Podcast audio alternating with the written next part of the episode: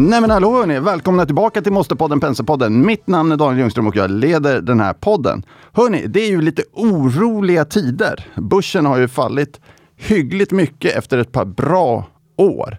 Och i, i lite oroliga tider, då blir man ju faktiskt lite skakig förr eller senare. Vi har ju pratat om att folk har dippköpt och så vidare. Och, och, när man köper den här dippen för andra, tredje gången och det fortsätter ner, då börjar man till sist tappa lite självförtroende. Och då kan det vara skönt att vända sig till lite mer seniora kompisar och prata lite grann om deras magkänsla och höra lite grann vad de tror. Jag har ju jobbat hyggligt länge med förvaltning och Johan var min chef under 15 år. Och då pratar vi om Johan Mörner som numera då är VD på Erik Penser Bank. Och, och, från någonstans 2007 så var han en av dem jag vände mig till när jag var lite orolig. Han var min chef, han hade lång erfarenhet och så vidare. Och det gör ju att när jag nu tänker på alla er som sitter där ute och kanske inte har någon att vända sig till när det blir lite oroligt. Så tänker jag så här, vi bjuder in Johan, numera VD för Erik Penser Bank, och frågar vad hans magkänsla säger. Och när han ändå är här så passar vi på att fråga lite grann om banken. Välkommen till podden Johan! Tack! Johan, 2021 var ju ett fantastiskt år på alla sätt och vis. Eh, det var en bra börs. Det var många noteringar, vilket var bra för banken covid släppte och så vidare. Om du får sammanfatta 2021 ur Erik Penser Banks perspektiv, vad var det för år? Det var ett fantastiskt år. Det var ju ett år där vi gjorde rekordresultat. Eh, där vi nog aldrig har gjort så många affärer som vi gjorde. Eh, och inte bara där, utan i alla eh, affärsområden inom banken så var det helt otrolig action det var ju en riskvilja framförallt som var helt, inte helt förstås, men nästan obegränsad. Så att det var ett eh, år som jag under alla mina år aldrig upplevt. N när du tittar tillbaka på det året, var, var, du någon gång lite orolig för att det var för hett? Många gånger. Eh, det var många gånger som jag reflekterade över att just den här enorma riskviljan och på något sätt eh, att alla insåg att pengar var gratis och att det fanns alltid kanske en riksbank eller politiker som skulle rädda en om det blev jobbigt. Så absolut, jag var orolig ganska många gånger. Sen, sen dröjde det inte så, så, det var ju faktiskt nästan i slutet på 2021 om man tittar tillbaka lite grann som det började bli lite svagare på sina håll. Tillväxtaktier och så vidare började, började liksom tappa lite grann i november tror jag det var. Eh, sen följde de större indexarna, eller större bolagen med lite senare. Om man nu tittar när vi står det här är ju, vad är det för dag idag? Det är 30 juni. 30 juni. Halvårsskifte. Halvårsskifte ja. Och då, då, har vi haft, vi har haft, eh, vi har haft krig i Ukraina, eller vi har krig i Ukraina. Eh, vi har fått en inflation, inte bara drivet av kriget, men det har hjälpt till. Och nu idag så får vi en räntehöjning i Sverige på 50 punkter, vilket är den högsta höjningen på, på 10 år eller någonting åt det hållet. Eh, och tillväxtaktier har ju tappat enormt mycket. Fastighetsaktier har tappat enormt mycket. Om, om vi tar den här nedgången då, mm. förvånar storleken i den här nedgången dig? Eh, eller, eller sa magkänslan någonting om det? Nej, det, om du tänker på hur jag tänkte på en eventuell nedgång för tidigare då, så är det ju så att det är alltid svårt att bedöma. Men när vi är mitt i det så, nej, jag är inte speciellt förvånad över att vi har en sån kraftfull nedgång som vi har. Därför att det är lite som du räknade upp, en antal komponenter negativa som inträffar samtidigt. Och dessutom så har vi haft då, som du inledde med att säga, att en, en börs som har varit helt otrolig under ganska många år. Och lite grann så kändes det som att när covid slog till och vi hade det raset och så vände det och gick rakt upp i himlen direkt så var det lite att alla om man uttrycker sig, gav upp på att det här kommer fortsätta för evigt. Och då blir det alltid så att när väl vändningen kommer så blir den kraftfull. Och, och jag, jag inledde ju att säga med att, att eh, det, det, man, man, ofta behöver någon att snacka med lite grann. Eh, och det, det, det, är ganska behagligt, även om man är ganska säker på sin vy eh, och så vidare, så är det skönt att reflektera. Vem använder du för att reflektera? Med? Alltså vem pratar du med? Jag pratar med många. Eh, dels med alla duktiga kollegor på banken förstås. Eh, och det är ju så att det finns ju ganska många nu i finansbranschen som aldrig upplevt en sån här eh, sättning. Och då är det klart att man tenderar att prata med de som har varit med förut, precis som jag har varit. Eh, så jag pratar med många på banken, jag pratar med många av mina gamla kompisar från eh, marknaden Eh, som jag umgås med, både privat och, och eh, yrkesmässigt. Så att eh, jag har rätt många som jag kan prata med. Sen är det ju alltid så att man bildar sin e-, uppfattning mer utifrån hur man själv känner och man måste ju alltid själv ta ställning. Så jag försöker att vara rätt bestämd av egen kraft om man uttrycker så. Då. om man tar då, om man tar då eh, du, du, har lett banken sedan 2014. Eh, en ganska tydlig vy från din sida var att diversifiera intäktskällorna mm. Eh, på olika sätt för att stabilisera banken. Och då kan man säga för den som, som inte förstår ungefär hur en fondkommissionär eller investmentbank fungerar så är man ju beroende av courtage. Eh, man är beroende av provisioner från, från börsintroduktioner och annat. Och de där tenderar att komma och gå lite grann med cykeln. Om man tar 2021 så blir det ett fantastiskt år för alla vill göra en affär. Sen, sen, så kommer 2022 då det inte ser eh, lika muntert ut och då i finansbranschen historiskt så, så har man dragit i stoppen och så sparkar man folk och så väntar man på att det ska gå upp. Och det, det, det skapar ju ingen kontinuitet direkt och det skapar lite, mm. lite dålig stämning. Så, så, en av din, din bild när du började var att diversifiera intäktskällorna för att få en stabilare verksamhet för att vara uthållig över sådana här perioder. Hur har 2022 varit för banken så här långt? Nej, men det, det, är precis som du säger att vi har ju kämpat under många år nu med att bredda vår affär och eh, ha ett antal intäktskällor som inte är beroende av marknaden och, och vilja, riskvilja och att folk vill göra affärer. Så att, och det har ju blivit en, en stor del av vår affär. Eh, så att det är såklart att 22 är inte alls lika bra som 2021. Men det är ett bra år ändå. Eh, just av den anledningen att vi har spridit intäkter och risker på, på ett bra sätt. Mm. Man, man, kan ju förlänga det. Jag jobbade på en annan bank tidigare och då, då under 5-6 år så hann man vara eh, 100% personal eh, vid två tillfällen kan man säga och 70% personal vid två tillfällen. Och det blir en lite ryckig verksamhet. Så, mm. så, för att förklara det då för den som inte är med. Att att kunna ha den här lite uthålligare vyn gör att man inte behöver bli på samma sätt stressad och orolig när de här lite svagare åren kommer. Och du behöver heller inte jaga affärer på samma sätt. Så att, så att, det blir kvalitet i rådgivningen.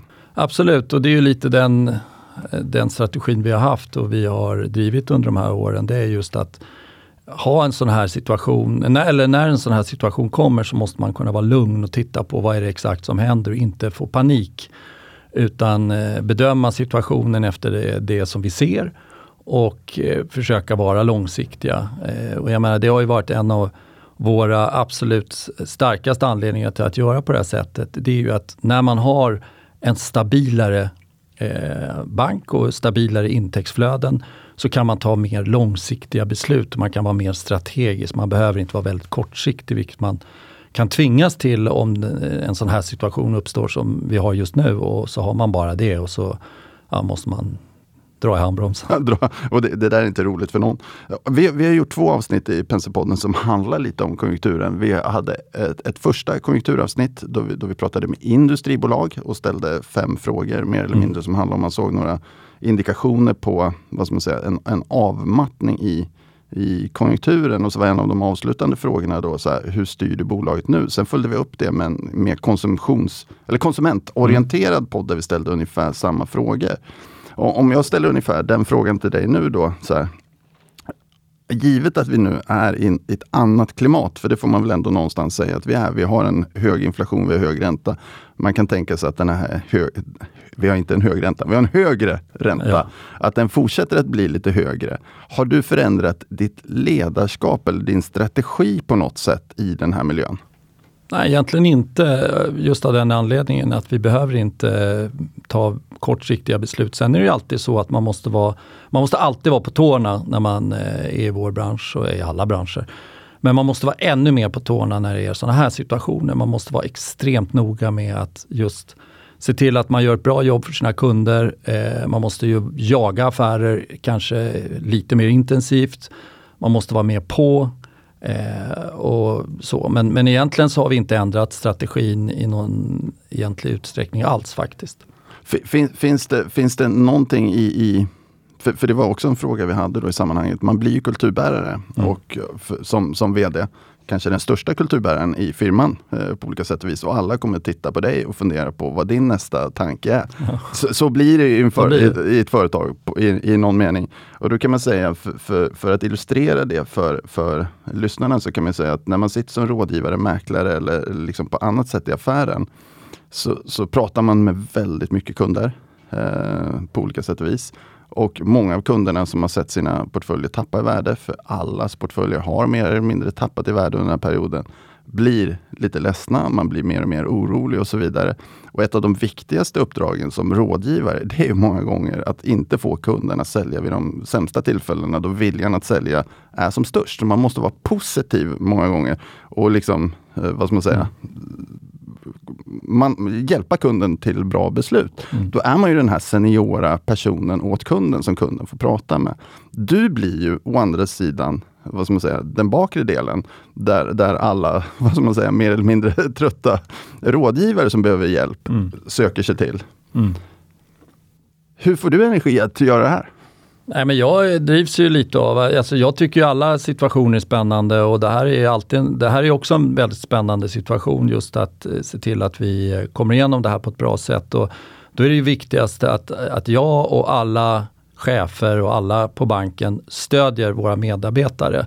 Därför det är precis som du säger att det är klart, sitter man som rådgivare eller mäklare eller något och, och eh, pratar med kunder dagarna ända som mår ganska dåligt, som tycker det är jättejobbigt, som har förlorat pengar. Så är det såklart att det tär ju på en. Eh, det vet ju du Daniel som har suttit i samma situation.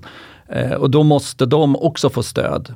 Så det viktiga i en sån här situation det är att vi ser till att våra medarbetare känner att de får det stöd de ska ha eh, för, från oss och från mig och andra.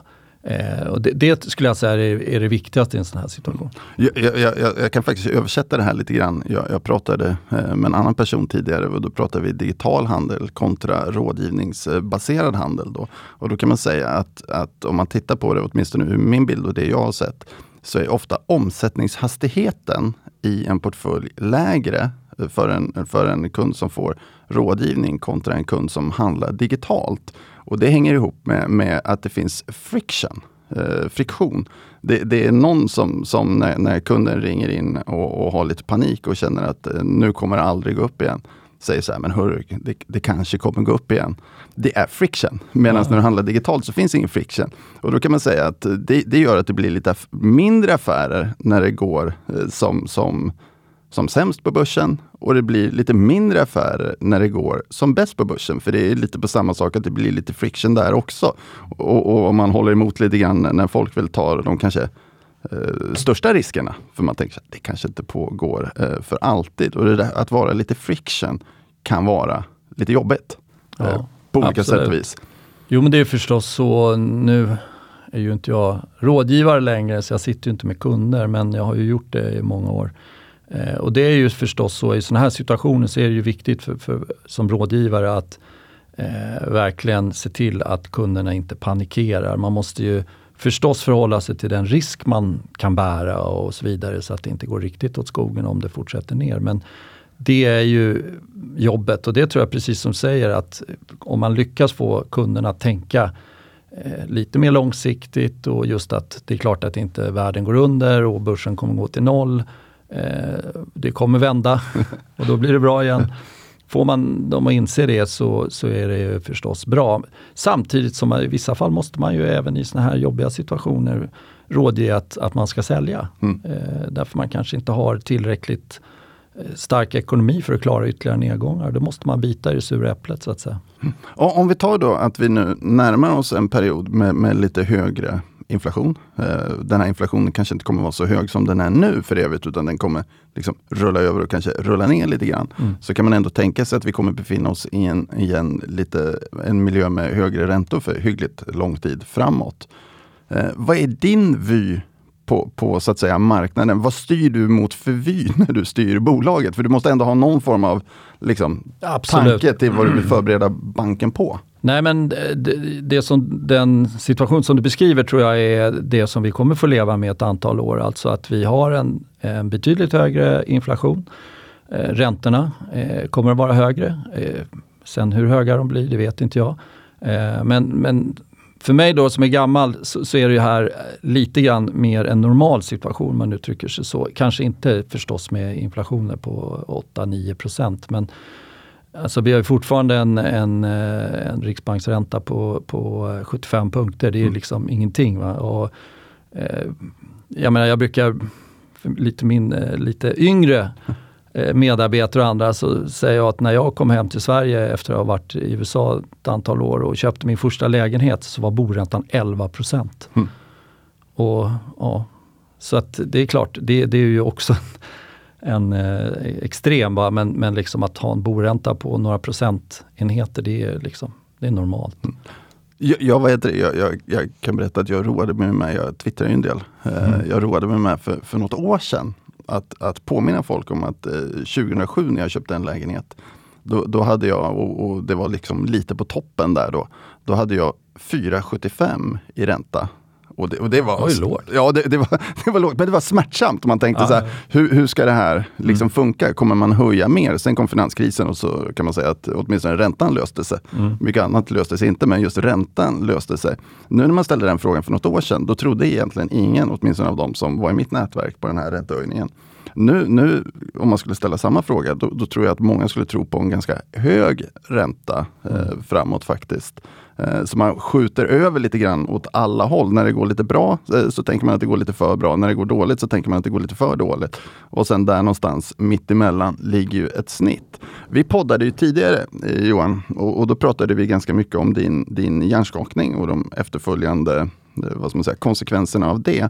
Och sen så pratar vi också om betydelsen av att göra roliga saker och, och, och liksom återhämtning och så vidare. Det här är ju en sommarpodd. Det är 30 mm. juni och man kan väl säga att industrisemestern börjar väl imorgon? Säger man inte att det är typ juni? För, förr i tiden så stängde ju Sverige första juli. Det är ju inte riktigt så numera, vilket jag tycker är rätt skönt. Men, absolut. men, men det är ändå en sommarpodd. absolut, får man säga. såklart det. Hur återhämtar du dig under sommaren? För nu blir ju återhämtning många gånger viktigare än annars. Det är ganska hårt tryck eh, på jobbet. Eh, många, många kommer hänga lite med huvudet.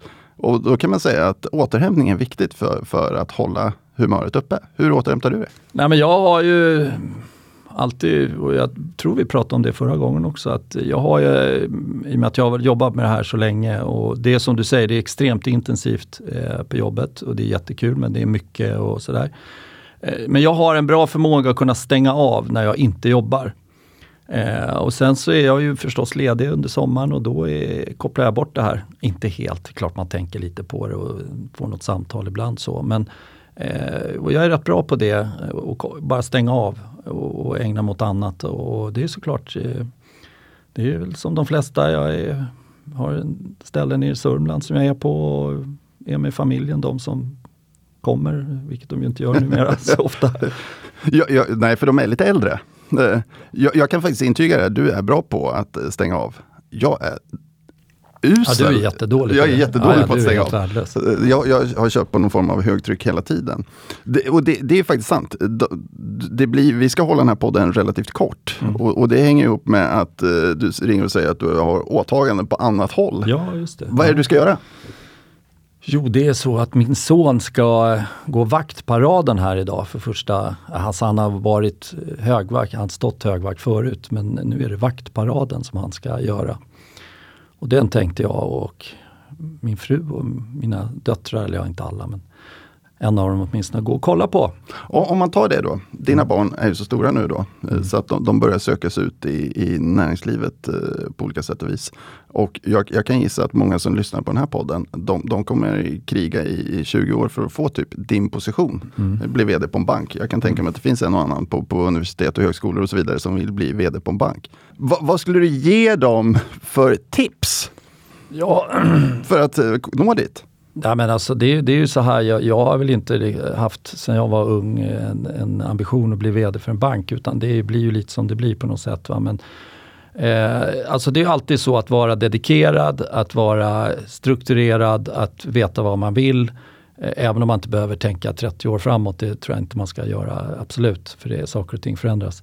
Eh, men man måste nog vara rätt noggrann, eh, man måste visa på att man vill. Eh, man måste visa framfötterna. Eh, samtidigt som man ska vara ödmjuk eh, och, och, inse att när man är i början av sin karriär så har man mycket att lära och lyssna mycket på kanske inte så gamla som jag, men andra eh, som har gjort det man vill göra framåt. Läsa mycket, eh, faktiskt, det tror jag är bra. Gjorde jag mycket, inte så mycket numera, men förr. Vi har, eh, vi, vi banken mm. har väldigt många yngre medarbetare. Mm. Eh, jag skulle säga att av 130 så är säkert 30 att betrakta som, som unga på olika sätt och vis. Ja, fler skulle jag säga. Ja, det kanske är ännu fler eh, som hjälper till på olika sätt och vis. När, när du pratar med dem, mm. vad är ditt vanligaste tips till dem när de kommer in på banken? När det blir konkret liksom? Mm. Nej, men det är väl att, just som jag sa, att visa framfötterna. Och det behöver man, man ska inte vara liksom armbågarna. Eh, utan visa på att man vill, visa på att man är beredd att slita. Eh, komma med egna förslag, eh, försöka lösa problem själv. Eh, och sen lyssna, ta hjälp. Eh, lyssna på vad mer erfarna eh, kompisar eh, säger och hur de agerar och sen alltid själv, som jag sa lite tidigare, att man måste ha en egen åsikt och liksom dra egna slutsatser. Eh, det tror jag är det viktigaste. Eh, därför att eh, åtminstone hos oss är det ju så att eh, vi ger mycket frihet.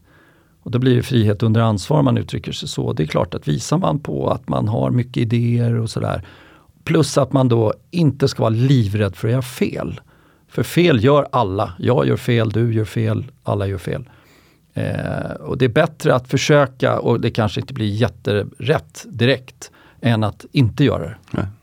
Hör Johan, vi, vi, ska strax släppa dig, men det här är ju inte podden då vi egentligen eh, vad ska man säga, fokuserar på, på, på de yngre i mm. gästerna. Utan, utan nu fokuserar vi på lite erfarenhet. Vår nästa gäst mm. är Peter Selej.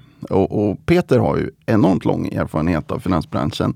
Och det kan man väl säga, jag pratade om att det var många yngre på banken. Eh, men, men det är faktiskt som så att det är väldigt eh, många, vad ska man säga, äldre medarbetare också.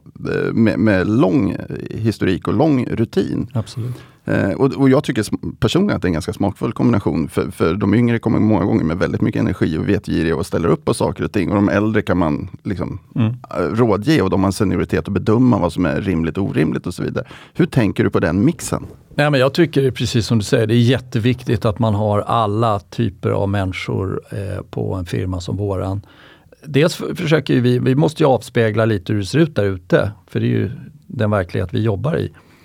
Och då måste man ha yngre, man måste ha äldre, man måste ha kvinnor, man måste ha män, man måste ha alla möjliga typer av människor. Eh, och det, det, är jättebra. Jag tycker ju då, inte bara för att jag är gammal själv, utan att det finns en viss eh, tendens till åldersdiskriminering i Sverige. Alltså att är man 50 plus så är det man kör. Va? Eh, vilket jag tycker är jättedumt, för det är precis som du säger, det finns en otrolig erfarenhetsbank eh, hos seniora och lite äldre medarbetare och människor. Eh, och det ska man ta, eh, ta med sig och det ska man ha med. Och det måste finnas på ett företag som vårat. Precis som det måste finnas unga med nya idéer och som har en jäkla energi och vill springa så det ryker om det. Man, man kan ju säga det att, att banken har en ganska stor digital satsning. Eh, mm. Vi har den här podden, vi, vi har eh, en ganska stor Youtube-kanal och mm. så vidare.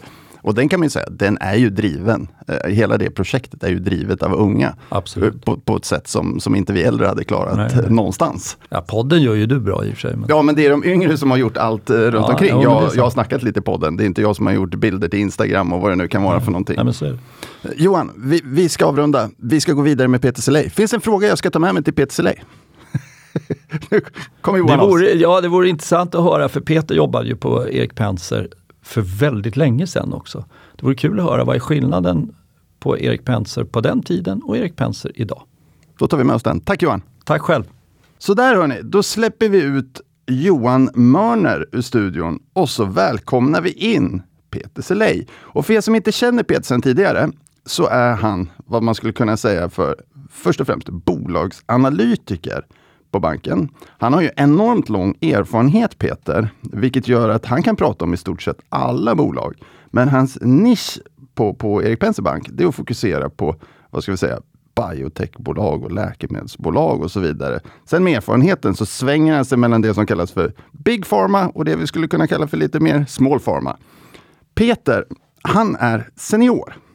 Och, och, Det är lite därför vi har bjudit in honom idag. När det blåser lite kallt på marknaderna så har jag li, liksom lite av historiska skäl, ofta vänt mig till de som är lite mer seniora för att höra lite grann om vad säger magkänslan? Och på banken finns det flera seniorer med, med lång erfarenhet jag har pratat med genom åren. Vi kan ta Roger Furukvist, Björn Westin, eh, Lars-Göran En, eh, Per Wall och så vidare. Och skälet till det, även om jag då som, som kanske har 22-23 års erfarenhet och varit vad som man kan säga, chefsförvaltare under många år, 15-16 år faktiskt, det är att man vill dryfta sina tankar. Man vill höra lite grann så här, vad säger magkänslan hos andra? Och som har varit med i lite olika, vad ska man säga, tidsepoker där det har varit kanske hög inflation, höga räntor och så vidare. Va, va, hur upplever de den här situationen? För det är lätt hänt att man så att säga fastnar i sitt eget tänk. Och då med de här lite mer seniora personerna, då ifrågasätter de, de är ganska tydliga med sina åsikter många gånger. De är inte rädda för att säga att man har fel. Och det är ganska trevligt. Så då, för, för alla som inte har en senior att prata med, så har vi bjudit in Peter till podden. Välkommen Peter! Stort tack! Upplever du dig som senior? det, det är tveksamt. rent biologiskt, ja. Sen är frågan om man blir förståndigare med åren, det är en annan frågeställning. Jag, jag har faktiskt tänkt lite på det. N när man var lite yngre, då tänkte man många gånger så här, när man blir lite äldre så kommer man bli lite förståndigare. Men jag kan många gånger känna att jag upplever mig som, som Alltså som att man stannar i åldern någonstans vid 30 år, sen blir kroppen äldre. Men, men sinnet utvecklas inte på samma sätt alla gånger. Peter, du har ett ganska annorlunda track record, eller vad ska man säga, historia relativt många andra. Jag sitter och tittar på din LinkedIn-sida. Du gick ut Karolinska institutet 87. Det stämmer. Vad var tanken? Tanken var ju förstås att bli läkare. Uh, när, man gör, när man gör klart läkarexamen då Eh, så måste man ju göra två år så kallad AT-tjänstgöring eh, för att bli legitimerad läkare. Och det, det är skillnad. Det där, man, när man är klar med läkarutbildningen har man, har man tagit läkarexamen. Legitimation sköts av Socialstyrelsen. För det krävs en AT-tjänstgöring. Och då var jag ute i Kristinehamn och det är egentligen ett, eh, ett, ett specifikt schema. Du måste jobba en viss tid inom allmänkirurgi, eh, internmedicin och så vidare.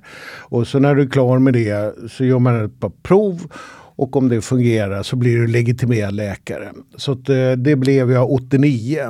Och efter det så påbörjar man oftast någon form av så kallad specialistutbildning. Alltså man, man väljer inriktning på vilken typ av läkare man vill bli. Och så hösten 89 började jag på thoraxkirurgiska kliniken på Karolinska sjukhuset. Då med syfte att, att bli thoraxkirurg då, som det heter på svenska. Eller hjärtkirurg är mer vanligt nu. Thorax, det är väl egentligen bröstkorgen, va? Är det inte det? Liksom... Ja, det, det är bröstkorgens sjukdom. Där är då en, liten avvikning. Ehm, Sven, eh, svensk tradition, alltså hjärtkirurger av idag härstammar då så att säga från thoraxkirurgin. Och här är en skillnad. Alltså, om, om du går tillbaka innan hjärtkirurgin växte fram så dominerade ju framförallt lungkirurgiska ingrepp på grund av tuberkulos. Om du tittar på gamla thoraxkirurgiska huset så ser du stora vita balkonger som är K-märkta. Och det var så balkonger där tuberkulospatienterna fick sitta utomhus. Då. Så att i Sverige så gled så att säga, thoraxkirurgin över mot hjärtkirurgi mer och mer när den växte fram. Däremot om du tar den anglosaxiska världen eh, så kom eh, hjärtkirurgin ut ur kärlkirurgin. Därför heter det på engelska oftast cardiovascular surgeon. Eh, så att det finns liksom en annan tradition egentligen som det här stämmer i Sverige. Mm -hmm. sen, gör du, sen gör du faktiskt då ett litet hopp om jag tittar i CV och så blir du läkemedelsanalytiker på Penser faktiskt. 1997. Det stämmer. Det stämmer. Vad fick dig att liksom byta sektor? Den, den, frågan får jag ofta eh, förstås när man gör ett så stort hopp. Eh, och eh, jag brukar alltid kontra med motfråga. Har du jobbat för landstinget? Brukar jag säga. men, men skämt åsido, eh, lite ligger i det. Eh, det, det där liksom på en lite mer allvarlig not. Alltså man, man kan se en en mängd läkare, som jag, mina tidigare kollegor och så vidare, som är otroligt kompetenta och duktiga individer. Så, så, finns det en stor grad av frustration över vad ska jag säga, arbetsförhållanden. Eh, och det är ju då hänförligt mycket till hur arbetsgivaren verkar. Och I mitt fall Eh, så var det verkligen att liksom, det var inte kul att gå till jobbet. Det var kul att, så att säga, möta patient, att stå på operation. Men liksom, arbetsförhållandena var inte bra. Sen hade jag också ett, ett uh, intresse av aktier och liknande. Och samtidigt ska man också komma ihåg tidsandan. Det här är alltså slutet av 90-talet och så, så mycket annat i finansbranschen. Så tar vi över liksom just anglosaxisk tradition. Och det hade det under eh, slutet av 80-talet och under 90-talet blivit så att många av de analytiker som analyserade så kallade life science-bolag hade en naturvetarbakgrund, antingen läkare eller forskare inom området.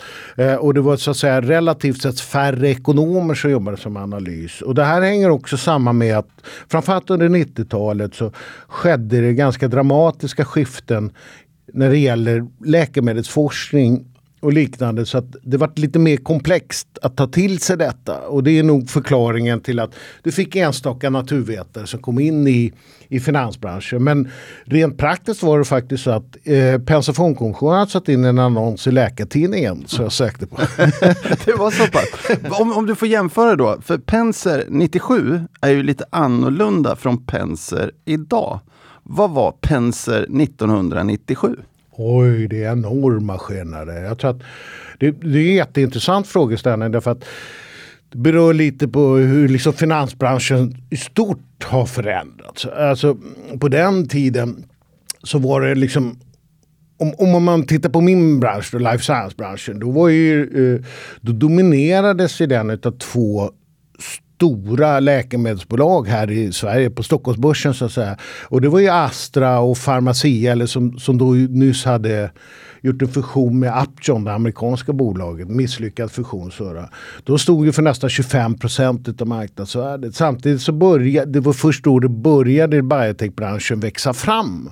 Sen var ju liksom om du tittar direkt, alltså, det var helt annat arbetssätt i fondkommissionen inom banken. Ja. En annan intressant aspekt, just om du tittar på analys, det är ju hela affärsmodellen för analys. Liksom då, på den tiden var ju mycket av analytikarbetet fokuserat mot institutionskunder. Nu har vi ju uppdragsanalys och liknande och banken vänder sig mycket till retailkunder. Eh, typ av bolag man följde och så vidare. Så att Eh, det som är så likt kan man säga det är, det är sättet hur jag jobbar med analys. Egentligen. Det, det, den har stått sig tidens tand. Det vill säga att man verkligen försöker förstå bolaget eh, kunna värdera management, förstå marknaden, försöka fatta affärsmodeller och värdera det. Det ser ganska likt liksom det dagliga jobbet men allt annat runt omkring är helt annorlunda nu. Hur sålde man analysen? Alltså om du tar så här, vad, i din roll som analytiker då?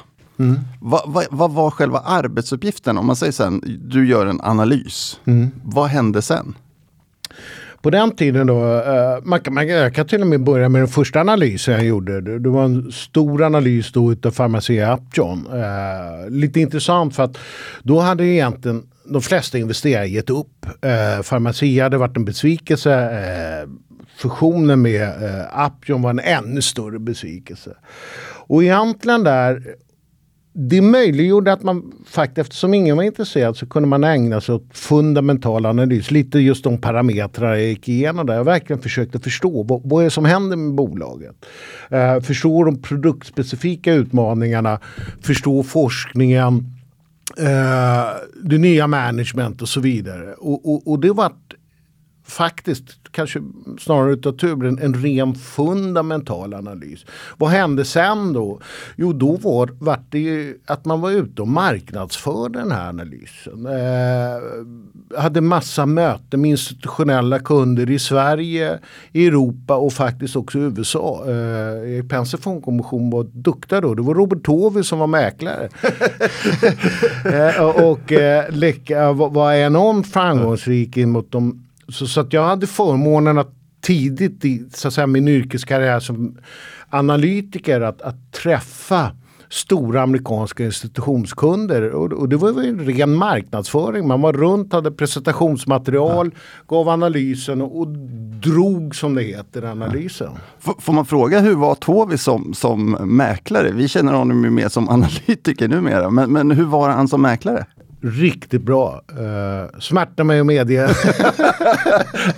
Jätteduktig. Uh, han, uh, Robert hade en förmåga som inte alla mäklare på den tiden hade.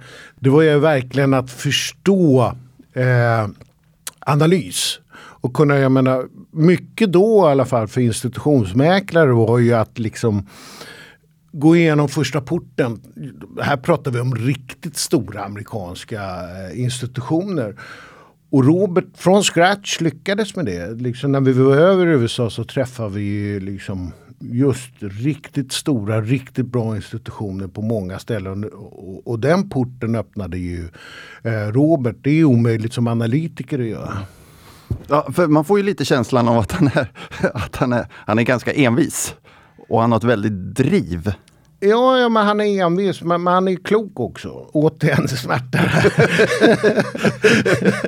eh, nej, men han är klok också. Det vill säga att han, han är inte påig på det sättet. Utan när han hade något att säga så var det något utav värde. Och det tror jag var det som institutionerna uppskattade. Ja. Han visade, och, och faktiskt då hade Penser, eh, och nu pratar jag inte om, om, om life science, utan hade ett antal riktigt bra analytiker som kom med lite mer originellt sätt att se på bolagen och det tilltalade institutionerna då. Finns det något namn vi skulle känna igen när du säger riktigt bra analytiker? Finns det något namn som man känner igen idag?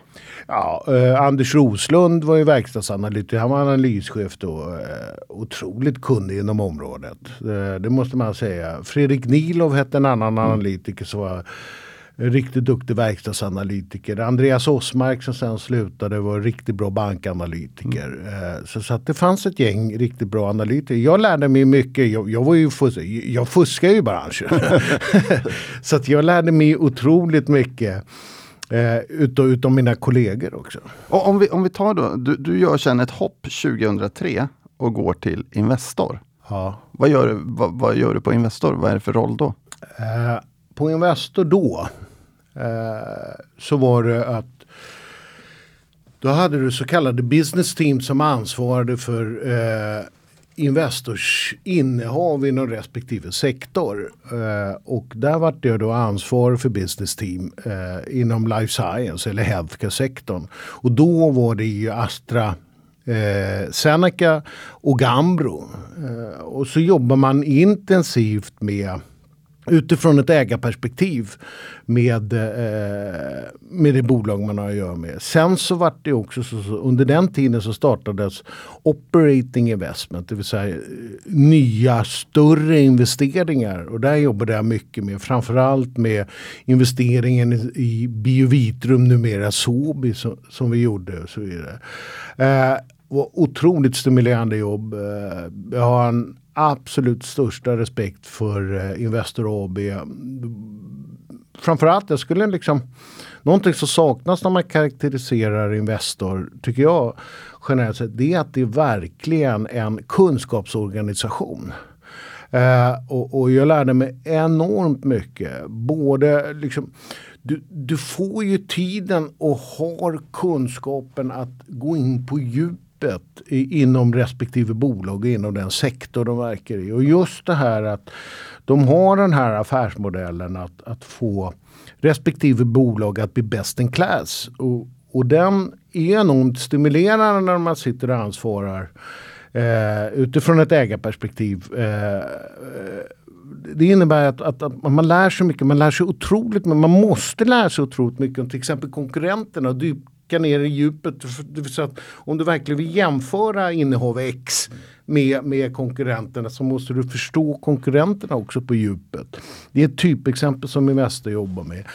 Det är också en enorm kunskap om finansmarknaden. De har också ett otroligt bra nätverk. Du får liksom kunnande från så mycket olika håll. Eh, så att jag lärde mig enormt mycket under de där sju åren jag var på Investor AB. Det var kul. Det, det är lite, lite roligt för under sista året så har jag gjort en, en hel massa poddar med lite olika inriktning. Jag har gjort poddar med lite utdelningsfokus och med lite private equity-fokus och så vidare.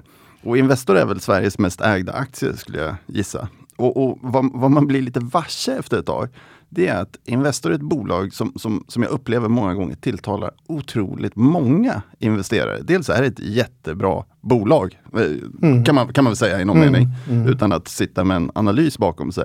Men sen har de Sen har de ju just det här att de, de, de lyckas med investeringar, vilket gör att de har ett bra track record. De ger utdelning, vilket innebär att, att de är tilltalar utdelningsinvesterare. De har tillväxt via EQT och lite annat, vilket gör att de tilltalar den delen. Ah. De är ett investmentbolag som innebär diversifiering och så vidare. Ah. Så, så efter så många år verkar de ändå vara så, vad ska man säga, med. Eh, jag vet inte hur jag ska uttrycka det bättre. Så, att, så att det, det, är lite imponerande. Det är väldigt imponerande. Jo men alltså om man tittar långsiktigt så har det ju varit med all rätt en bra placering. Eh, och det beror på just att bolaget är högkvalitativt. Och som du säger så är det ju utifrån ett investerarperspektiv enormt mångfacetterat. Eh, det finns, och just då tycker jag att, att man fick den jag vill påstå den sista pusselbiten, det där egna helägda, eh, alltså det som nu är Patricia Industries. Så har du ju också ett, liksom ett, ett potentiellt guldägg vid sidan ja. om.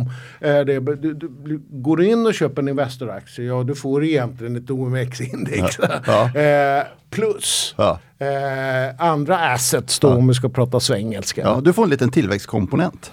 Absolut. Va? Mm. Och, och, och, och, min tillit när jag ändå ser hur professionellt de jobbar med sina innehav. Och det gör de ju både med liksom sina privata innehav och sina publika innehav. Eh, så, så, absolut, jag, jag, tycker det är... Det vill säga, ska man ha en portfölj med svenska aktier så, så, så, är det för mig självklart att Investor AB ska ingå i det. Vi, vi, kan väl tillägga att det här är ingen investeringsrekommendation utan det är jag och Peter som pratar om en tidigare arbetsplats så han har varit på. Och jag äger inga aktier Nej. i Investor AB. Nej. Och vi låter oss imponeras lite. Hur som, om vi, om vi går vidare då. Sen, sen ser jag faktiskt i ditt CV här att du följer med till, till ett eh, bolag, jag vet inte, bolaget, fonden hette Ram One. Eh, vilket var då en, en ganska omtalad hedgefondstart vid tiden. Jag, ser, jag, jag kommer inte ihåg vilket år de startade riktigt, mm. om det var 2010 att du var med vid starten. Men det var Sven Nyman och flera andra från eh, Investor som, som gick loss och så startade man den här hedgefonden. Var du med vid starten? Ja, det, alltså, Stämmer det? Jag, jag, kan, jag kommer inte ihåg åren riktigt. Var, när jag kom till Investor, då hade RAM redan bildats. Okay. Alltså, då hade mm. Sven lämnat Investor AB. Och egentligen då, enkelt uttryckt kan man säga att eh, Sven ansvarade ju för mycket framgångsrika training som mm. Investor AB drev. Och, eh, så att säga, drev det nu mer i en egen regi. Jag var där ett år. Återigen samma som inom Investor AB. Jag lärde mig otroligt mycket. Uh, just portföljtänkt värderingsmässigt. Sven var och är ju otroligt skicklig när det gäller att tänka på aktier. Jag hade ju haft en relation med Sven. Han, när jag var på säljsidan då, alltså på uh, Penser och Carnegie så var ju så att säga Sven min kund då på Investor AB. Och vi diskuterade otroligt mycket kring Astra. Och, och där visade det sig liksom återigen arbetssättet eh, från Investor AB. Han var liksom väl insatt, ställde nästan alltid rätta frågor. Mm. Man hade alltid en, en stimulerande dialog som även jag lärde mig av eh, som säljsideanalytiker. Och det var lite samma sak när jag var på, på hedgefonden där ett mm. år. Jag, jag, jag, kan tillägga det eftersom du gjorde, eftersom du gjorde den jämförelsen här med, med Carnegie. Jag gjorde faktiskt ett litet hopp i, ditt CV. Du var Head of Healthcare Research på Carnegie mellan åren 99 och 2003, vilket är i princip eh, fyra år då innan du gick till Investor. Jag sammanfattade lite din analyskarriär där. Min säljtid, mina säljtideår. Ja. Om, man, om man skulle jämföra den, den, den delen, du kommer in på Carnegie då, eh, 99 då var det en stekhet eh, marknad. Ja. Hur var skillnaden att jobba på Carnegie kontra, eh, vad ska man säga, Penser? Framförallt så var det ju eh, resursmässigt, storleksmässigt ska jag väl påstå. Eh, alltså Carnegie var ju en, en för, för att liksom vara en invest, nordisk investmentbank, en enormt välsmort stort maskineri. Alltså de var ju duktiga inom liksom alla komponenter en investmentbank skulle ha. De var duktiga inom analys, de var duktiga inom trading, de var duktiga inom institutionellt mäkleri, de var duktiga retailmäkleri, de hade en enorm framstående korp och så vidare. Och, och så hade de ju också en, eh, det som skiljer från Penser är också att de var vad man ju kallar pannordisk. Mm. Eh, det vill säga att de täckte ju liksom hela Norden dessutom. Så att de fick en helt annan tyngd än vad Erik Penser Fondkommissionen ja. ja. Om vi nu gör ett litet hopp framåt Peter och så släpper vi din, din period som, som analytiker och, och, och verksam på Ram och Carnegie och så vidare. Så ser jag faktiskt i ditt CV att under ett par år så är du också VD. Vad var du VD för? Det beror... Eh Dels att jag har en udda bakgrund inom finansbranschen och under de åren jag jobbade då som analytiker och, och liksom ansvarig för, för, för life science-bolag så det som intresserade mig allra mest var egentligen de operativa frågeställningarna i bolaget. Det tyckte jag var roligast att jobba med. Eh, och eh, jag kände att jag ville pröva något nytt. Eh, och då var det så att då fanns ett litet startupbolag. Nästan så att säga klassiskt med en galen professor som satt i en källare i, i eh, Hjorthagen med en otroligt intressant innovation. Och det där tyckte jag verkade jättekul. Att liksom verkligen från början från scratch och försöka bygga fram en eh, kommersiell framgång. Och, och, det drev mig då till det här bolaget Neodynamics. Mm. Vad, vad, skulle man säga? Va, vad skulle man säga, om, om du tänker, för du, du har ju varit då, vad ska man säga, operativt verksam också i den här typen av, av eh, bransch som du faktiskt analyserar idag. Mm. Vad skulle du säga var den viktigaste erfarenheten från de åren? Den viktigaste erfarenheten är eh, det är en jättebra fråga. Liksom, låt, låt mig nu inte bara svara spontant. Utan det, det är verkligen att när man har jobbat i den operativa verksamheten eh, att förstå hur, hur, svårt det är att mejsla fram en affärsplan.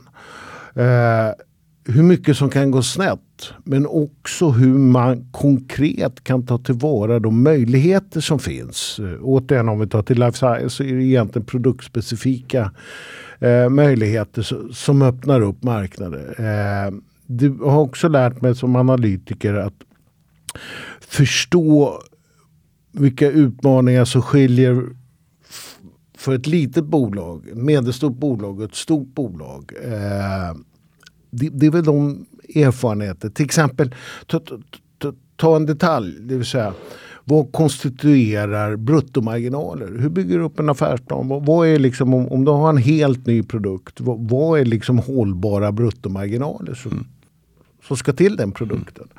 Mm. Uh, och nu till exempel inom medicinteknik då, så sourcar man ju det är mängd komponenter som ska in. Och hur, hur, jobbar du rent konkret för att nå de här bruttomarginalerna? Säg nu att du sitter som analytiker. Det, det är så lätt att säga liksom konkurrenterna ligger uh, på, på 60-70 procents bruttomarginal. Varför ligger inte ni där? Uh, och, och då får man när man har jobbat som vd, ta en sån frågeställning, konkret förståelse för vad är liksom ut, uh, hållbara bruttomarginaler? Varför befinner jag mig där jag är nu? Hur ska jag nå dit? Är det volymkomponenter? Har jag gjort något fel i sourcing och så vidare? Det där är, typ, det där är ju sånt som man jobbar dagligdags med som vd i ett litet bolag. Och som analytiker kanske man inte förstår. Det, det blir liksom eftersom man sitter utanför och försöker kika in va, så, så, så, förstår man inte alltid dynamiken. Här jag bara tog det som ett mm. exempel då, mm. bruttomarginal för konkret. Det har lärt mig mycket av. Vad var, vad var, om, om, man, om man tänker sig, du var några år som, som VD. Vad var så att säga vad var roligt och vad var liksom för jobbet? Förstår du ja, min fråga? Jag vet inte hur jag ska uttrycka den. Måste, det var ett litet bolag så att det, och i ett tidigt skede. så att det riktigt roliga var ju att man var involverad i allt. Mm. Det, det, är absolut nödvändigt att vara involverad i allt. Och det är jättekul. Det passar med ett sinnelag också att man liksom får gå in i mängd olika frågeställningar. Eh, det gjorde ju att det var otroligt spännande. Ta just det här med sourcing. Eh, liksom lära sig hur, hur ska jag köpa in och så. Och inom medicinteknik så är det ju massa kvalitetskrav du ska hitta komponenter med rätta kvalitetskrav. Eh, men, är, men sen när du sitter och räknar på just bruttomarginaler så ska du kunna räkna hem det och så vidare. Så det, det, var otroligt roligt detta att man är överallt. Eh, också fruktansvärt kul att jobba direkt med en innovation. Se utvecklingsskedet när det går framåt. Det var det roligaste. Vad förvånade dig mest? Jag, jag, skulle inte ställa frågan om jag inte hade gjort det själv under något år. Att man blir ibland förvånad. Man är tvärsäker på något. Och så tänker det, man så här, det, det där funkar inte. Det som förvånade mig mest var, var just detta att man som vd måste vara överallt. Uh, det, och, och måste kunna dyka ner på djupet ofta. Mm. Nu kan det här möjligtvis vara hänförligt till bolagets storlek också. Eh, vi pratar inte Volvo eller Astra här. eh, så, så, så, att eh, det, det förvånar. Den andra aspekten som förvånar mig är fortfarande, när återigen gäller små bolag, hur svårt det är att attrahera kapital. Eh, man fick, jag fick spendera otroligt mycket tid på att, så att säga, sälja in bolagen. Och när, när det är så pass små resurser som finns så behöver man som vd lägga en oproportionerligt stor del mm. på, på kapitalanskaffningsfrågeställningar. Om du skulle göra om det här vederskapet och den här vad ska man säga, erfarenheten eh, som du har därifrån. Vad skulle du göra annorlunda? Eh, en mycket bättre due diligence på ägarkollektivet. Eh, jag tror, ska det här lyckas eh, och lyckas liksom någorlunda enligt plan. Inget aldrig går någonsin enligt plan, men någorlunda så att säga enligt plan så måste du ha bra och kunna ägare. Där, eh, det är investorperspektivet eh, som jag har släppt det. Det, det är nog det viktigaste. Ägare som förstår verksamheten, förstår var bolag befinner sig utvecklingsmässigt eh, och som kan bedöma och ställa krav konkreta och bra krav. Det, det är nog det viktigaste, ägarna. Mm. Nu är du analytiker igen. Mm. Kan man säga att den här erfarenheten av att vara en operativ VD har förändrat ditt sätt att se på bolagen du analyserar? Absolut. Eh, när man är inne mitt i det så inser man ju att eh, många analytiker kan ha orealistiska bilder. Återigen, ta, för det är så enkelt, ta liksom bruttomarginalsexpansion. Mm. Vad styr det där? Jag menar man sitter som analytiker sitter du med en Excel-modell och försöker liksom mm. få fram det där. Som, som vd är du mitt inne i verkligheten och jobba med det där. Så, så att, det är typexempel så att man, man har ju eh, min vd-erfarenhet gör ju att jag vill påstå att jag har bättre synsätt när jag analyserar den här typen av bolag. Blir det en annan diskussion med bolagen? Eh, förstår du? När, när, och, och, då kan man säga för de som ja, inte vet hur en analys går till ja, så pratar man med ledningen ofta. Ja, det, det tycker jag. Återigen, du får, du får inte glömma att historiskt sett när jag var säljsideanalytiker förut mm. så var det ju framförallt de stora bolagen. Mm. Så bara det gör ju att diskussionen blir annorlunda när du pratar med de med mindre bolag som vi nu följer. Och det gör ju att den erfarenhet jag har haft att vara ett operativt verksamhet, mindre bolag, gör förhoppningsvis, tror jag mig, kunna ha en, ha en större förståelse för de utmaningar och möjligheter för den delen eh, som vd har i små eller medelstora bolag. Mm. Jag, jag, jag, pratade lite med Johan tidigare om betydelsen av att ha eh, seniora medarbetare. Mm. Och, och, när man pratar med dig blir det ganska tydligt att du har varit läkare. Det, det är en bra början när man ska analysera läkemedelsbolag. Du har varit operativ VD. Det är också en bra erfarenhet när man ska, mm. ska, ska analysera bolag och du kan marknaden liksom hyggligt väl. Vad fick dig att komma tillbaka till Penser?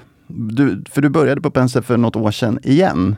Vad fick dig att uh, gå in i, i, en analysroll igen? Ja, det kan bara backa bara lite. Efter vd-rollen eh, så, så jobbade jag som egen konsult. Och jag jobbade eh, mycket med institutioner. Eh, så, så, så skulle jag göra private equity och, och, även internationella, mycket i Asien, som skulle göra healthcare-investeringar. Jag jobbade med det, trivdes bra med det. Liksom, var, var väl liksom semi-retired. Mm. Och så hörde Robert av sig. Eh, och eh, jag saknar lite där att jobba tillsammans med kollegor, vara inne i ett projekt. Och jag tilltalades utav det Robert hade byggt upp. Och, och liksom hans visioner av vad Erik Penser Bank ska ta sin analys mm. någonstans. Och, och, det tilltalar mig och jag kom in här och, och, och trivs jättebra. Eh, har fortfarande en mycket fri roll. Eh, jag tycker Robert har byggt det här jättebra. Vi berörde det tidigare. Nu är det ju uppdragsanalys. Eh, det är liksom en annan affärsmodell. Min arbetssätt är ändå mm. detsamma vill jag påstå som, mm. som tidigare. Eh, och, och, därför så trivs jag bra och jag hoppas att det liksom kan bidra. Jag, jag, tror starkt på det här. Jag tror på att banken eh, kan positionera sig som en av de främsta aktörerna inom uppdragsanalys. Mm. Och det till yttermera vice, det behövs. Mm. Eh, någon, där kan man säga, man gör ju massa felbedömningar som analytiker. Men man gör också, när jag satt på Investorsidan så såg man ju att analys, alltså affärsmodellen vart tuffare och tuffare då. Och man såg ju liksom att analys i volym var på väg ner kraftfullt. Eh, och jag trodde ju att, att liksom, det inte kommer ske någon analys utav små och medelstora bolag längre. Eh, och så var jag borta från branschen och ser man då har det här uppdragsanalys vuxit fram och så plötsligt så har du den här behovet både från bolagen själva men också från investerare att faktiskt det finns analytiker som följer de här bolagen och förhoppningsvis förstår dem, kan förklara för investerare och sätta det i ett aktiesammanhang. Det, det uppstår ju många gånger, för, för, för att förklara det, uppdragsanalys innebär ju, många gånger, innebär ju per definition att bolag betalar för att analysen ska bli ja. gjord. Förändrar det ditt sätt att analysera? Nej, det gör ju inte det. Uh, jag kan bara prata med personer jag tar mig an uppdraget då, mm. på precis samma sätt som jag gjorde tidigare. Mm. På precis samma sätt. Uh, som enda skillnaden är att här, här är liksom det små och medelstora bolag mm. istället, liksom Astra och mm. den typen. Det gör ju att man kan få mer airtime i management. Mm. Men det har ju inte med att göra att det är uppdragsanalysen. Att det är liksom, du, du får en möjlighet att få en ännu större förståelse av bolagen. Vilka, vilka bolag, jag, jag, måste, jag måste tillägga, för, för jag, jag var ju faktiskt Roberts chef då när vi, när vi anställde dig. Jag, jag, måste, jag måste faktiskt tillägga då att, att i ett litet företag, eh, många gånger, det, det, finns skillnader mellan, mellan eh, många gånger stora företag och lite mindre företag. I, i lite mindre företag, då, då, anställer man inte lika många på samma sätt. Så då måste varje person sticka ut lite mer. Man måste liksom kunna bära sin egen, egen ja, man, man måste vara en affär i affären ja. i någon mening. Eh, ja. och man, man, är sällan i ett team på samma sätt eh, eh, som, som man kanske är i lite större firmor där, där du har många personer att samspela med. Hur som helst, när, när, Robert kom med dig så tänkte jag så här, det här är ändå lite annorlunda. Han har inte jobbat på ett par år, han hade egen konsultverksamhet. Sist var han VD och så har han varit hjärtläkare och, och så vidare. Men, och, och, det, är väl, det är väl Roberts eh, styrka i det här, att uh, vi chansade lite grann, mm. uh, tycker jag själv. Ja. För det är ändå svårt att hitta tillbaka till, till rutiner och så vidare ibland, kanske om man, om man vad ska man säga, det är svårt att lära gamla hundar att sitta. Men, men, du behöver inte sitta, för du blir ju den här informella ledaren. Känner du dig som en, som en ledare? Ledare? Det, vet jag inte. Jag, jag, hoppas att jag kan liksom bidra med min Som sagt, man har inte blivit klokare med åren men man har i alla fall samlat på sig erfarenhet. Mm. Jag försöker bidra. Det, det, är en, det är en riktigt bra mix nu utav, eh, kalla det äldre då, och, och yngre förmågor. Och jag försöker bidra med den erfarenhet jag har jag ska, jag ska, inte karaktärisera det som eh, ledare. Eh, förhoppningsvis en klok gubbe då. Vilka bolag följer du idag? Nu är det Immunovia, Enzymatica och Iconovo som jag följer. Om, om, man, om man, för jag vet att du kan det här i huvudet. Om man bara skulle sammanfatta läget för de här bolagen nu. Vad är din vy på de här? Äger du aktier i några av bolagen? Nej. Bara så vi börjar där. Du ja, äger inte aktier i några av bolagen. Det är en regulatorisk fråga bara för att få det klart för sig. Vad är din vy på de här bolagen idag? Uh, låt oss ta, vi får ta de bolagen. För Iconova hade ju nyligen eh, kapitalmarknadsdag hos oss den första sjätte. Det tycker jag är ett otroligt intressant bolag. Ut, utav flera skäl. Dels är det ett, ett eh, det, där, forskningsprojekten finansieras av partner. Så att man, det är notoriskt svårt att värdera forskningsprojekt. Men det man kan säga om eh, Iconovos forskning är att det är oerhört låg finansiell risk i deras utvecklingsprojekt. Eh, det är mycket möjligt att potentialen för utvecklingsprojektet inte nås. Men du bränner inte pengar på det. Så det gör att det är en udda fågel. Sen området de är verksamma inom, inhalationsmedicin är ett otroligt tilltagande område och det betyder också att de projekt de har vänder sig både till så kallade generikabolag där risknivån generellt sett är mindre. Det vill säga de kommer ut med kopior på, på, på standardmediciner. Men har också potential att få in inhalationsläkemedel i innovativa områden. Just den här mixen gör det oerhört intressant. Immunovia är ett av mina favoritbolag eh, som ju, där aktien inte alls utvecklats som jag hade hoppats. Eh, jag tror ju fortfarande oerhört starkt på det bolaget. Där är det ju mer den här uh, jobbiga väntan på och när ska bolaget få sin, eh, sitt ersättningssystem på plats? Där har vi fortfarande inte ändrat syn. Vi tror att det är mot slutet av detta år. De har anställt otroligt kompetent folk i sitt amerikanska dotterbolag. Det tuffar på det är bara jobbig väntan och jag förstår att många investerare känner skepticism under den här vänteperioden givet den historik som bolaget haft och så vidare. Men jag tror att de får ersättningssystemet på plats. Eh, att eh, från och med egentligen nästa år då så, så kommer det finnas där och då kommer patienterna bara ticka in för deras blodtest.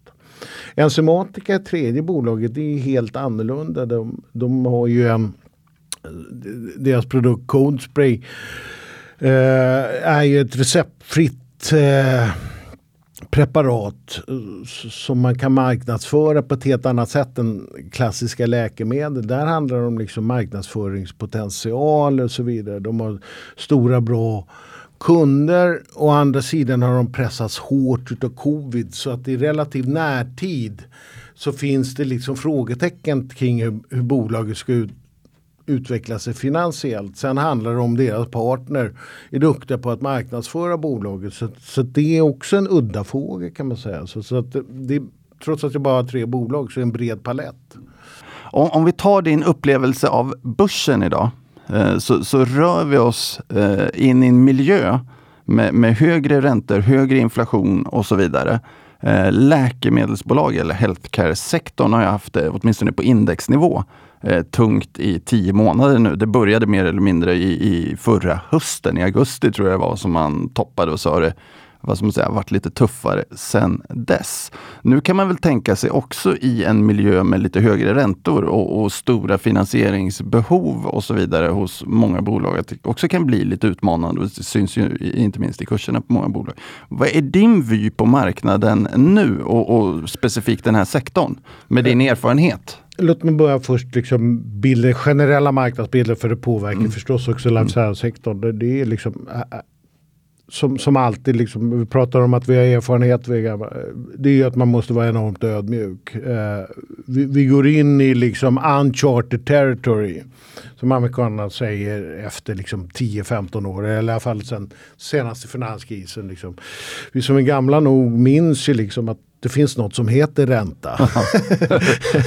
och att det faktiskt finns inflation. Eh, och samtidigt så har det geopolitisk oro. Uh, vi har liksom en, en, en energiproblematik globalt och så vidare. Har det liksom det här blåst över? Jag tror inte det riktigt än. Eh, sen är det alltid svårt. Liksom, börsen har kommit ner kraftigt och så. Men, men jag tror liksom att den här generella oron kommer sitta ett bra tag tills det i alla fall utmejslar sig lite. Var är så att säga världen på väg finansiellt? Alltså, så att jag tror att det kommer ligga kvar en oro eh, ett, ett tag. Tar man då life science-branschen ur det här perspektivet, du berörde det själv, liksom, eh, Big Pharma då, de stora läkemedelsbolagen har ju gått jättebra relativt sett, generellt sett. Och sen var du inne på då de små och medelstora bolagen. Ja, många av de här bolagen kommer pressas, befinner sig i den situationen att de ska ut och det krävs kapital för att finansiera forskning så kommer det vara tufft. Och jag tror att vissa bolag kommer inte passera ribban. Å andra sidan så tror jag att det finns tillräckligt med kapital för att finansiera bra forskning. Så att mitt råd här för investerarna är att spendera en viss tid bolagsspecifik analys. Mm. För att liksom kunna skilja agnarna från vetet. För att jag tror inte generellt sett att det kommer dö. Och sen ska man då komma ihåg att innan nu den här krisen skedde så, så var ju värderingarna ner kraftigt inom mm. liksom förväntanssektorn mm. redan från början. Mm. Och den tredje bilden är ju att här finns ju Big Pharma med balansräkningar som är enorma. Och de kommer gå in och köpa inlicensiera också. Mm. Så du, kan man säga att du, du förväntar dig att uh, Big Pharma, de gör också den här analysen på bolagsnivå och det blir attraktivt för dem uh, här och där i det här scenariot. Och då kan man väl säga att det inte är priset alla gånger som är det viktiga för dem utan det är forskningsresultaten. Det är det. Alltså, priset är, är sällan ett problem för, för, för Big Pharma. Utan det där måste man snarare göra analysen utav Big Pharma-bolag. Alltså, de, de har egentligen två olika sätt att köpa in projekt. Då. Det ena är ju att om, om forskningsavdelningen strejk visavi vdn så, är, eh, så har de ett strategiskt perspektiv på sin forskningsportfölj. Och de liksom ser eh, att nu behöver vi fylla på inom dessa och dessa terapiområden med fas 2 eller fas 3 produkter. Och så letar de då projekt där. Eh, och, och de gör ju rena kallade NPV-beräkningar och nästan de flesta projekt går ju att räkna hem för dem. Vad är NPV? Det är Net Present Value. Ah, jaha, NPV, förlåt. Ja, egentligen så är, så är det som en DCF på en ja. produkt. Ja. Eh, egentligen. Man räknar ut vad en produkt är värd ja, egentligen. Ja, men det, det, det, det är så mm. de tittar. Mm. mm. Och, det går liksom, och de, de är ju vana att leva med, med den biologiska risk som finns och de har ett portföljtänk att, att eh, att liksom hantera den till skillnad mot investerare som liksom ska gå in. Och det är svårt liksom att köpa 20-25 förväntansbolag och göra den analys som, som Big Pharma gör. Eh, så att det ena. Sen har du vissa bolag ändå som har liksom business development som fungerar mer i tänk ungefär som en corporate finance. Det vill säga att vd ger dem uppdrag köp in tre projekt nästa år. Och de köper in tre projekt och det kan vara vad som helst. Det som dominerar är egentligen det första numera. Men det andra finns också. Så du kan få, eh, få liksom oväntade deals mm. också. Mm. Men, men jag tror att som investerare spendera tid på att försöka, om du är intresserad av branschen och intresserad av förväntan, spendera viss tid eh, på att gräva i bolaget. Prata gärna med analytiker som följer bolaget så du får förstå återigen skilja agnarna från vet, eh, vad heter det? Skilja agnarna från vetet säger man va? från vetet. Eh, eh, och, och, och eh, det tror jag kan löna sig. Man, inte så. Men man ska verkligen inte ge upp på sektorn. Det pågår oerhört mycket bra forskning och ytterligare till vissa om vi nu tar det här generella makroperspektivet. Om de här produkterna lyckas så finns ju marknaden där. Mm. Den kan, påverkas ju inte. Kan, kan du ge exempel på någon bra forskning du har sett under året? Ja, eh, där ska jag väl säga Kalididas som inte jag följer har ju en eh, riktigt bra forskning som ju nu har levererat. Mm. Du, du, vet vi är bra forskning i bemärkelsen att det passerade nålsögat efter godkändes. Mm. Eh, det tycker jag är, är riktigt bra forskning. Om man nu ska ta någon medicintekniskt bolag så skulle jag vilja, det är inte mer forskning utan liksom produktens läge skulle jag vilja lyfta fram Bull. Mm. Eh, tycker jag otroligt intressant produktutbud medicintekniskt. Eh, så, så det, det, det, är det som är roligt med sektorn. Du har så mycket olika. Du kan gå till liksom om, om du är intresserad av molekyler så finns det en uppsjö av mm. bolag. Vill du ha medicintekniska produkter så är det andra bolag. Så, så Bull eh, tycker jag är jätteintressant. Och bra produktutbud och brett internationellt försäljningsnät. Det, det, är roligt att du nämner Kalitet speciellt, för vi har en, en kommande sommarintervju med Bengt Julander som satt på din plats just nu, som vi faktiskt har spelat in, som vi ska släppa om någon vecka. Så det är kul att vi tar det som, är, som exempel. Peter, vi ska börja avrunda den här intervjun. Det var supertrevligt att ha dig här och jag, jag hoppas att folk har lärt känna dig än bättre nu.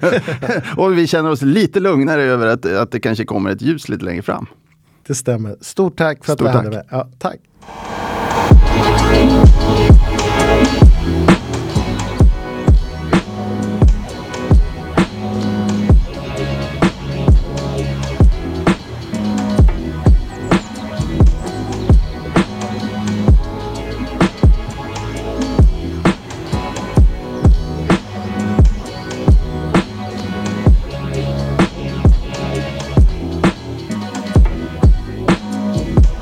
Denna podcast är utgiven av Erik Penser Bank och är avsedd att marknadsföra bankens tjänster. Vissa bolag som nämns kan därmed ha något samarbete med banken i form av fondförvaltning, analystjänster, certified advisor-uppdrag med mera. För mer information om dessa tjänster, fondförvaltning och även bankens hantering av eventuella intressekonflikter vänligen se bankens hemsida www.penser.se. Vänligen notera att investeringar i finansiella instrument, inklusive fonder, är förknippade med risk. Historisk avkastning är en garanti för framtida avkastning. De pengar som placeras i finansie finansiella instrument kan både öka och minska i värde och det är inte säkert att du får tillbaka hela det insatta beloppet. Ingen del av Penserpodden ska uppfattas som investeringsrekommendation. Informationen är heller inte att betrakta som investeringsrådgivning då den inte tar hänsyn till mottagarens specifika investeringsmål, ekonomisk situation eller kunskap. De uppfattningar som redogörs för i podcasten återspeglar de medverkandes uppfattning för tillfället och kan därmed ändras. Externa gäster i Penserpodden framför sina egna åsikter som kan avvika från bankens uppfattning. Banken frånsäger sig därmed allt ansvar för investeringsbeslut och för direkt eller indirekt förlust eller skada som grundar sig på mottagarens användande av informationen i podcasten.